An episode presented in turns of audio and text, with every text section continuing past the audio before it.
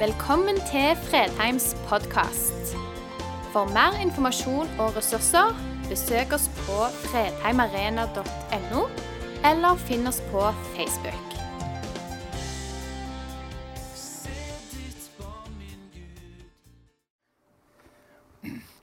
Det skjer for oss som skal forkynne Guds ord, eh, at eh, begivenheter som ikke var med, som har skjedd når vi planla tekst og preken, gjør at situasjonen endrer seg eh, og gjør oss kanskje mer spente på det budskapet vi skal dele.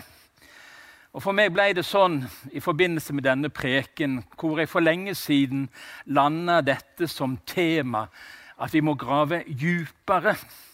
At troen må, vår må få skikkelig grunn under føttene. Og Det skal vi altså snakke om denne søndagsformiddagen. Det å grave dypere på vei til en varig og frimodig tro. Og så hadde jeg for flere dager siden lagt inn bilder på powerpointen min knytta til disse klimaendringene som gjør at vi er litt urolige. Eh, ting endrer seg. Vi må bygge annerledes. Klima stiller nye krav til hvordan vi bygger og planlegger. Og så har de lagt inn noen bilder av hus som sto på skrenter og kanter. Men med det som har skjedd, og som vi alle er så prega av disse dagene, eh, katastrofen i Gjerdrum, så har vi nok bilder inne i oss. Eh, denne dagen midt under en gudstjeneste så ser vi for oss en skredkant. Og så ser vi for oss mennesker som eh, kjemper og leiter. Noen vet allerede at noen av de kjære ikke lenger lever. Og Vi kjenner at det utfordrer oss eh, som folk. Og vi kan ikke la være å bli berørt av denne situasjonen. Så jeg, jeg tok vekk bildene. Fordi du bærer bilder inne i deg. Og La oss be litt spesielt nå i starten for de som nå er berørt av dette, og de som ennå kjemper, og de som venter, og de som håper. Herre Gud, vi forstår ikke hvordan alle ting skjer med oss, med våre kjære og nære. Vi forstår ikke alt som skjer i natur, Herre. Men vi har en tro på at du er en Gud som kan gi håp i det mørkeste mørket som kan skape lys der hvor alt ser håpløst ut, Herre. Og Nå ber vi spesielt for de som nå vet at de har mista noen av sine nære og kjære Gjerdrum, Herre. Hold din hånd over dem. Gi de som står rundt dem, gaven til omsorg, oppmuntring og hjelp, Herre. Støtt alle som nå arbeider og bruker dager og netter på å, å, finne mennesker, Herre. Kanskje noen som ennå lever. Vi ber i ditt navn. Gi de styrke, utholdenhet, Herre. Vi ber for alle som står midt oppi denne situasjonen. Vi ber om legedom, vi ber om styrke, vi ber om håp, Herre. Og vi må bare si at vi tror at på tross av alt det som utfordrer, som er vanskelig, så du er en Gud som kjenner, som elsker, som lengter, og som berøres av vår smerte, av vår sorg. Eh, Herre, du lider med. Du blei sjøl et menneske. Du vet hva det er.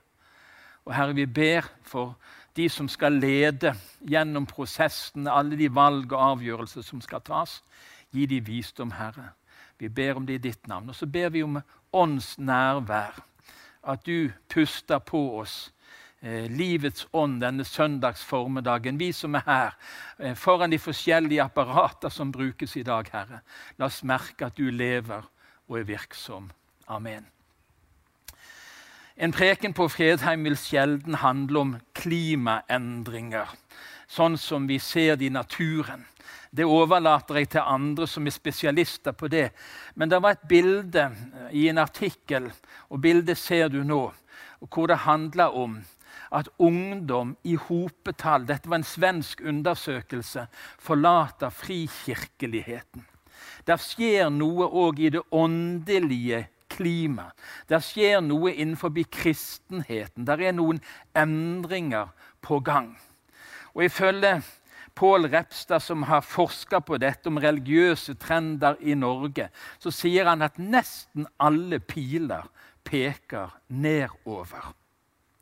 Det er en klimaendring i det som har med tro å gjøre. I det som har med hva vi forankrer vårt liv og bygger vårt liv på. Og innholdet i den kristne troen ser ut til å være i endring. Og Den teksten som vi skal lese denne søndagen, finner du i Lukas 6, og fra vers 46 i Jesu navn. Hvorfor kaller dere meg Herre og Herre, og gjør ikke det jeg sier? Den som kommer til meg og hører mine ord og gjør det de sier, jeg skal vise dere hvem han ligner. Han ligner et menneske som skulle bygge et hus, og som graver dypt og la grunnmuren på fjell. Da flommen kom, brøt elven mot huset, men kunne ikke rokke det, for det var godt bygd. Men den som hører og ikke gjør etter det, ligner et menneske som bygde huset på bakken uten grunnmur. Da elven brøt mot huset, falt det sammen med en gang og ble fullstendig ødelagt. Slik lyder Herrens ord. To ting skal vi stanse for.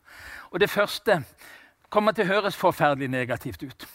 Og Vanligvis er ikke jeg en person som er så opptatt av de negative trendene og utviklingstrekkene.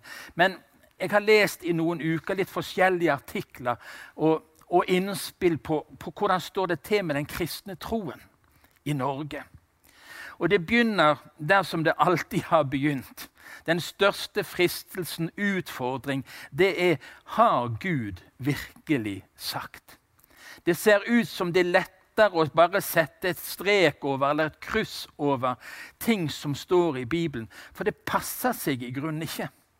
Det høres umoderne og avleggs ut, og så blir det et spørsmål har nå Gud virkelig sagt det, eller er dette bare våre fortolkninger av Guds ord? Vi opplever andre utfordringer, og det går i selve forholdet til Bibelen, Guds ord. Og vi ser det helt tydelig at det er en tro i endring. Nå er det ikke lenger for mange det som står skrevet, som forplikter, men det er det vi har erfart. Det er menneskets mange ulike erfaringer som skal fortelle oss hva som er sant og godt. Og så mange ulike mennesker der er, og så mange erfaringer der er, så blir det ikke lett lenger å finne noe felles å bygge vårt liv og vår tro på. Det handler om selve gudsbildet. Og I flere artikler som jeg leser, så sto det om det at Gud har blitt snillere. Og takk og lov, tenker jeg. Eh, for noen av oss er vokst opp med søndagsskolesanger 'Vær forsiktig, lille øye, hva du ser', og 'Vær forsiktig, lille fot, hvor du går', og 'For Gud Fader over der han ser ned på jorden her'. Så vi kunne godt tenkt oss en snillere Gud. Men forandrer Gud seg? Eller er det vi som forandrer oss? Det står i Hebreabrevet at Jesus Kristus er i går og i dag den samme, ja, til evig tid. Gud er den konstante, Gud er den uforanderlige. Og det hjelper ikke om at vi ønsker han skal forandre seg. Kan hende er det vi som trenger å forandre oss. Det kan handle om menneskesynet. Og igjen, Noen er vokst opp i det som kalles pietistisk mørkelandskristendom. Og, og, og kanskje var det mye som var mørkt og kanskje var det mye som var vanskelig å forholde seg til. Men er mennesket blitt så veldig mye bedre? Kjenner ikke vi alle egentlig på at det bor i oss tanker og følelser som ikke alltid er til det beste for andre enn oss sjøl ofte? Er vi blitt så veldig mye bedre der vi utvikler stadig mer avanserte måter å ta livet av hverandre på? Hvor mye bedre er mennesket blitt? Det nytter ikke bare å sette strek over disse tingene, for Bibelen har ikke forandra seg. Eller på det etiske området, hvor det moralske handlingsrommet blir større, ikke minst knytta til seksualitet og samliv. Det ser ikke ut til å være noen grenser lenger. Vi setter bare strek, kryss, over det vi ikke liker. Og Den neste generasjonen den er jeg glad i, og der er det mye bra. Men likevel, i mange undersøkelser er det tydelig at de er mindre opptatt av regler og mer opptatt av hva som oppleves riktig for de personlig. Og da er det gjerne ikke så store generasjonsforskjeller, egentlig. For kanskje min generasjon akkurat like opptatt av det som oppleves riktig, og ikke av det som står skrevet. Så setter vi altså bare kryss over det som ikke passer oss. Ifølge en del undersøkelser så har de som kommer til Norge utenifra, så sier 40% av de at religionen, troen, er svært viktig i deres liv. Svært viktig. Og undersøkelser fra Den norske kirke forteller at rundt 4% av medlemmene i Den norske kirke sier at religionen er svært viktig. Da er troen i endring. Da er det noe som holder på å forandre seg. Si, hvis troen ikke har betydning, hvis troen ikke er viktig, hvorfor skal jeg da tro?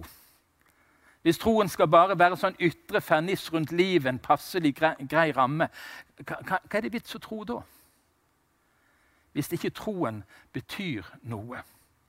Og Det som er så skremmende med den utviklingen og forandringen som skjer, det er at dess mer humant eh, nedtona budskapet blir, dess færre kommer til kirke og bedehus. Dess færre mennesker finner denne troen interessant. Det vi kanskje trodde i optimisme, at vi, hvis vi tok vekk det der litt spesielle og litt krevende, så ville folk strømme til. Så er det det motsatte som skjer. Magnus Malm har i en av sine siste bøker et sitat som skal bygge bro til det neste punktet i preken i dag. Kirkens problem er ikke manglende tilpasning til tidsånden, men manglende tids tilpasning til Jesus Kristus. Og bedre kan det nesten ikke sies. Det er ikke det at vi ikke er blitt så flinke til å ta vekk det som støter, som er problemet. Men det er det at vi ikke har tilpasset oss Han som er troens opphavsmann og fullender. Jesus Kristus. Snakker vi om en kristen tro, så snakker vi om Jesus tro. Snakker vi om kristent liv, så snakker vi om å etterfølge, følge etter Jesus i hans fotspor. Og da har jeg satt som overskrift 'ikke kulere, men djupere'. Den kristne kirke, bedehus, kirke, forsamling, fri eller hva det måtte være, trenger ikke bli så mye kulere. Men jeg tror vi trenger å gå djupere. Han ligner et menneske som skulle bygge et hus, og som gravde djupt, sto der i teksten vår. Det var den som gravde djupt, og som bygde på fjellgrunn, på det som ikke rokkes. Det var det huset som sto når elven kom, når stormen kom, når uværet kom. Og er det en tro vi trenger, så er det den tro som er bygd på sikker grunn. I Peters brev, det andre Peters brev så leser vi der skal vokse i nåden og i kjennskap til vår Herre og Frelser Jesus Kristus. Ham være ære nå til evighetens dag. En kristen tro er en tro som vokser. Den vokser i nåde. Den vokser i avhengighet av Gud til enhver tid. Og den vokser i kjennskap. Ikke bare kunnskap. Den vokser i kjennskap, i erfaring, i fellesskap med Jesus Kristus. I Johannes kapittel 15 så sier Jesus det utfordrende til oss på denne måten. Som far har elsket meg, har jeg elsket dere. Bli i min kjærlighet. Og kjærlighet liker vi å snakke om. Det er godt. Hvis dere holder mine bud, blir dere i min kjærlighet, slik jeg har holdt min fars bud og blir i hans kjærlighet. Jesu kjærlighet til sin himmelske far viste seg i at han gjorde det far ville gjøre, at han holdt fars bud og fulgte fars vei. Vår kjærlighet, vår tro viser seg, vokser, når vi holder oss til det som Jesus har sagt, for at vi skal bli mer og mer lik han. Efesene 4, 15. Men vi skal være tro mot sannheten i kjærlighet og i ett og alt vokse opp til ham som er hodet Kristus. Vi skal ikke bare vokse djupere, grave djupere. Gjør vi det, så vil det skje at vi vokser opp mot Han. Blir mer likedanna med Han. Blir mer prega av Han, som er troens kjerne og sentrum, Jesus Kristus. Være tro mot sannheten i kjærlighet og vokse opp til Han som er hodet. Jeg har en favorittforfatter, eller flere favorittforfattere når det gjelder kristen litteratur.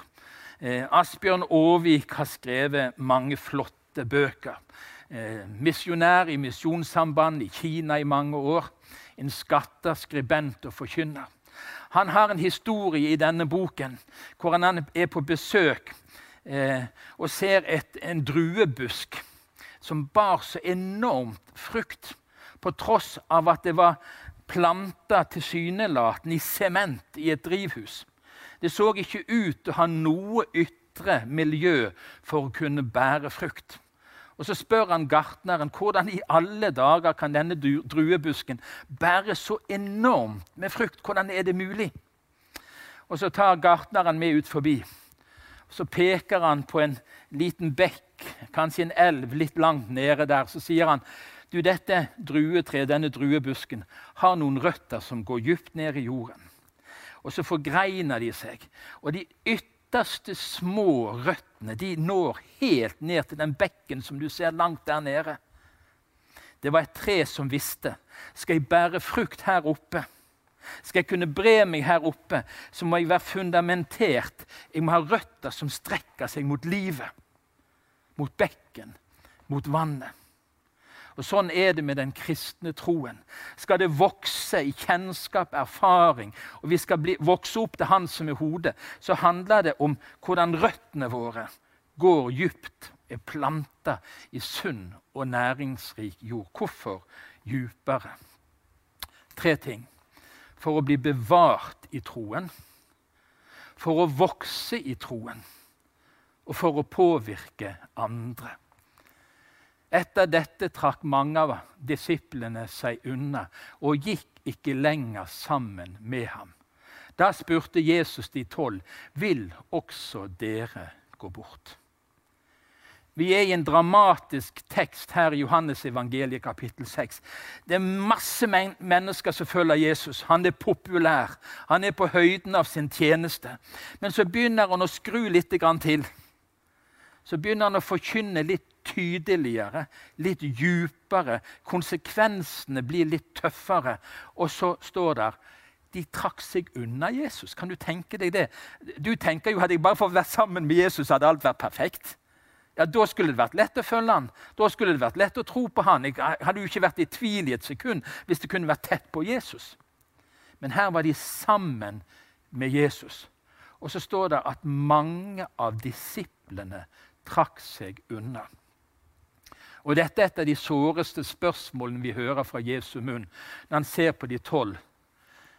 Hva med dere? Vil dere òg gå bort? Og Det spørsmålet har fulgt Kirken til denne dag, i de tusener av år som har gått siden Jesus møtte mennesker på denne tydelige måten. Hva med oss? Muligheten er òg at noen av oss går bort.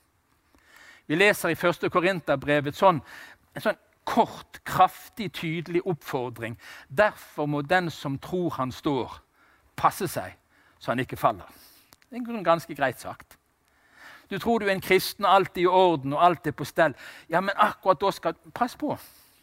Vær obs. Det å bli bevart i troen, det er ikke alltid så selvsagt som vi tenker at det er. Det er ikke alltid så enkelt som det er. Det er utfordringer. Det er altså en klar sammenheng mellom det å kjenne Kristus, ha en personlig relasjon med Han, og det å ha en tro som er varig. Jesus inviterer oss til å være hans venner, som deler noe sammen med han, sånn som venner gjør. Jeg kaller dere ikke lenger tjenere, sier han. For tjeneren vet ikke hva Herren gjør. Jeg kaller dere venner. Fordi jeg skal fortelle dere. Jeg skal dele med dere. Vi inviteres som kristne for at troen vår ikke bare skal bli bevart, men skal være sann og ekte og kjenne Jesus. Ha en personlig relasjon med han. Så handler det om å vokse i troen. I 2. Tessalonika-brev kapittel 1 så står et av mine favorittvers i disse her menighetsbrevene. Det står om disse kristne som var ganske nye på veien, og som hadde store utfordringer i samtid og i, i den kulturen de levde. For troen deres vokser seg stadig rikere, står det. Troen deres vokser seg stadig rikere. Og hva gjør det? Jo, og kjærligheten dere har til hverandre, blir større hos hver og en av dere. Hvorfor er det så viktig at troen vokser? Jo, fordi det er naturlig at sunt liv, det vokser. Sunt liv har den egenskapen i seg at det vokser, det brer seg ut, det preger mer og mer. Og det fører til at kjærligheten mellom de som tror, som bærer denne troen, og til mennesker som ikke gjør det, blir større. Troen deres vokser. Jeg fant et bilde som jeg syntes var så nydelig. Jeg vet ikke om du får med deg Det er han som går og vandrer på en bibel. Det ser så fruktbart og nydelig ut. Jeremias kapittel 15 vers 16. Jeg fant ditt ord og spiste dem. Dine ord ble til fryd for meg og til glede for mitt hjerte. Altså Sånn virker bibelordet. Jeg vet ikke om du av og til har åpna Bibelen og syns det er forferdelig tørt. Det har jeg opplevd både én og to ganger. Og flere. Av og til er det liksom sånn at det bare er grovbrød, og det smaker Det er verken smør på eller syltetøy eller pålegg. Det er bare Ja. Men det er ganger når ordet åpner seg, folk. Hvor du kjenner at det blir til fryd og til glede. Og vi må si at denne koronatiden har vært krevende. Men spesielt i vår, med den første nedstengningen, når så mange andre ting ble forandra, og det var hjemmekontor og møter ble avlyst, så opplevde jeg flere ganger at bibelordet ble levende. Hvorfor det? Jeg hadde mer tid. Jeg satt på hjemmekontoret og leste mer. Og fant gjerne tid til å lese en god kristen litteratur, en bok i tillegg. Så kjente du det. Ja, dette er godt. Dette er næringsrikt. Du kan sitte alene i en kjeller på et, på et hjemmekontor og ha det godt med Gud. Hvorfor det? Jo, fordi troen, når det får næring, når ordet åpner seg, når du er alene med Jesus, så er det rett og slett sånn at det smaker godt. Det kan bli nydelig. Det kan gi glede for hjertet. Det intet øye så, og intet øre hørte det som ikke kom opp i noe menneskehjerte, det som Gud har gjort ferdig for dem som elsker ham, det har Gud åpenbart for oss ved sin ånd. For Ånden utforsker alle ting, også dybdene i Gud.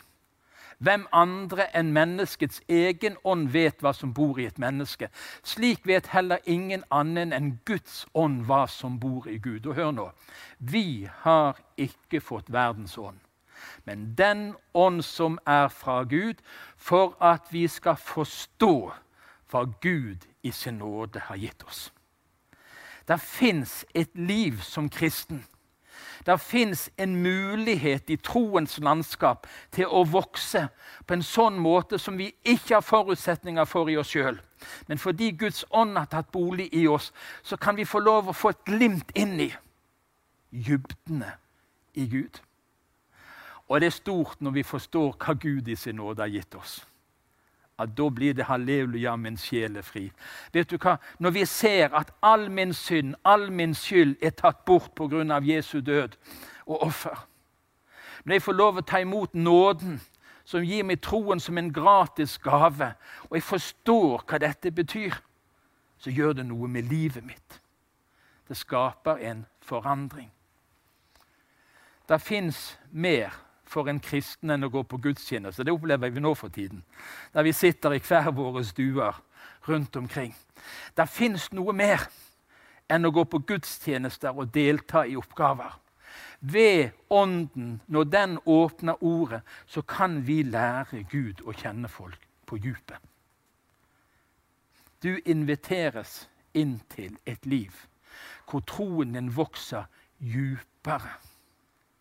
Og du får et glimt av, fordi Ånden åpner ordet for deg, så får du se hvem Gud er, på en større og rikere måte.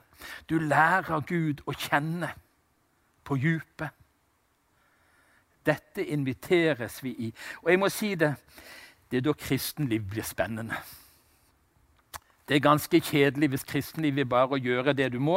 Være på gudstjeneste fra 11 til kvart over og håpe at preken ikke er for lang. Eh, sånn at kirkekaffen kommer fortest mulig. Eller du kan komme deg hjem fortest mulig. Eller du må gjøre den obligatoriske kollekt og putte noen penger i for å få god samvittighet. Vet du hva? Det er ikke det vi inviteres til. Det er ikke det kristenlivet vi kalles til å leve.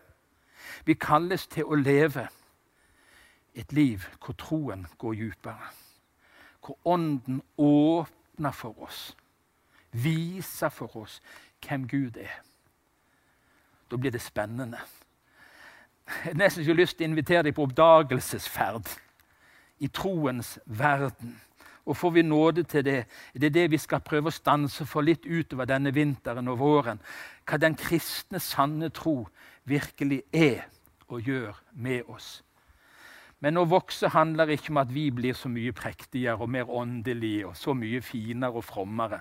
Det er ikke en pussing av fasaden vår, folkens. Vi leste det i sted, men vi skal være tro mot sannheten i kjærlighet og i ett og alt vokse opp til Ham som er hodet Kristus. Det skal ikke bli mer av deg. Det er ikke kristen trosvekst. Johannes døperen han sa det på den måten. Han skal vokse, jeg skal avta. Det er ikke sånn at det blir mindre av oss. For noen av oss blir det stadig mer av oss. på en eller annen måte. Men, men åndelig forstått så blir det mer av Jesus i våre liv. Der hvor troen går dypere, blir det mer av Jesus i våre liv. Og det skader ingen. Verken deg eller de menneskene som du omgås. For vi skal vokse opp til Han. Vi skal ikke bli flinkere og frommere, men vi skal vokse opp for å gjenspeile Han. Og Da er vi med det siste. I forbindelse med det som Pål Repstad undersøkte, så var det en tydelig beskjed fra det norske folk. Ytter, ytterliggående personer og grupper har generelt liten tillit. Ja vel, Velkommen, Fredheim Arena. Eh, Vestlandske Hindremisjon, som noen kalte det i gamle dager. Det pietistiske lekfolket på Vestlandet. Noe mer ytterliggående kan du knapt finne. Er det sånn det er? At ytterliggående personer Ja, når det blir sært og sekterisk, så blir det farlig.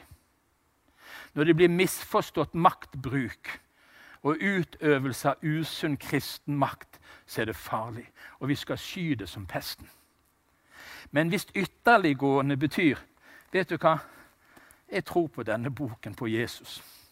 Og jeg ønsker å følge han djupere. Hvis det blir sett på å være ytterliggående, da vil jeg være ytterliggående. For jeg tror det er det som i lengden bærer frukt.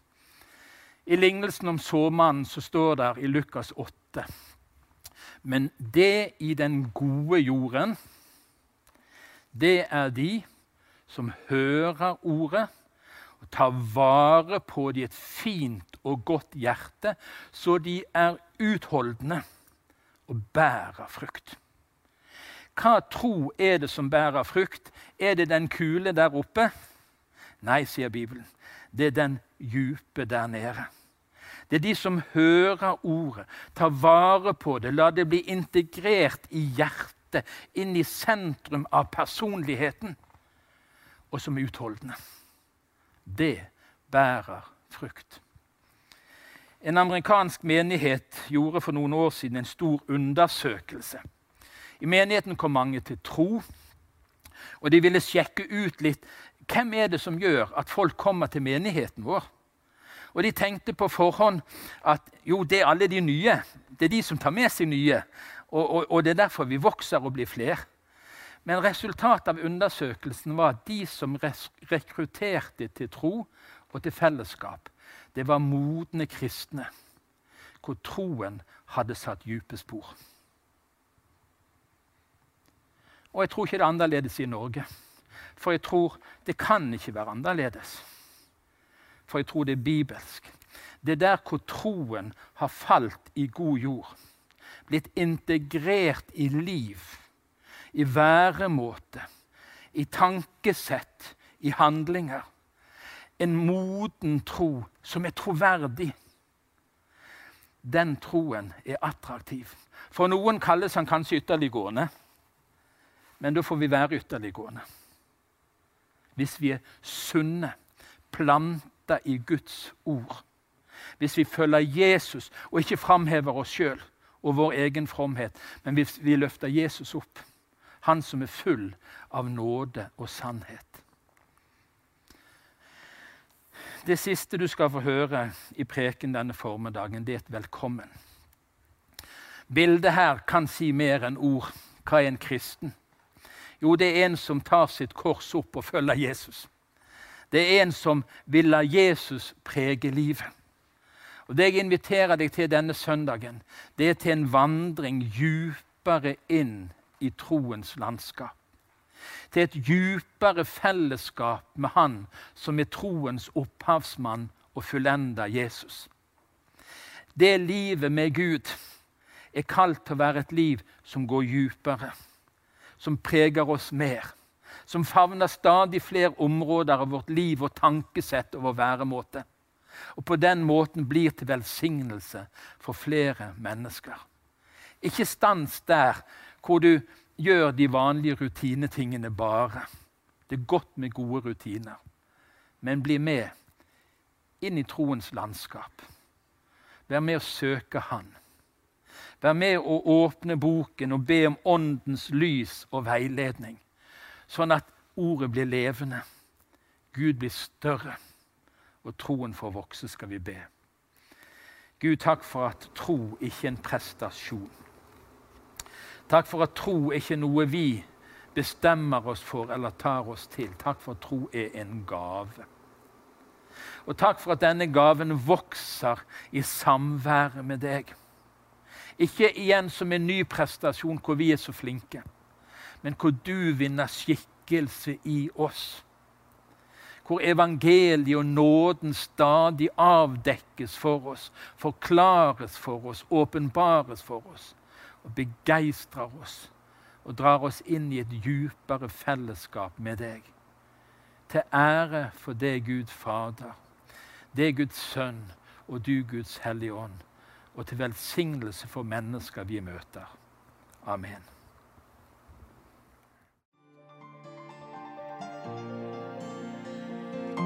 Takk for at du valgte å høre på.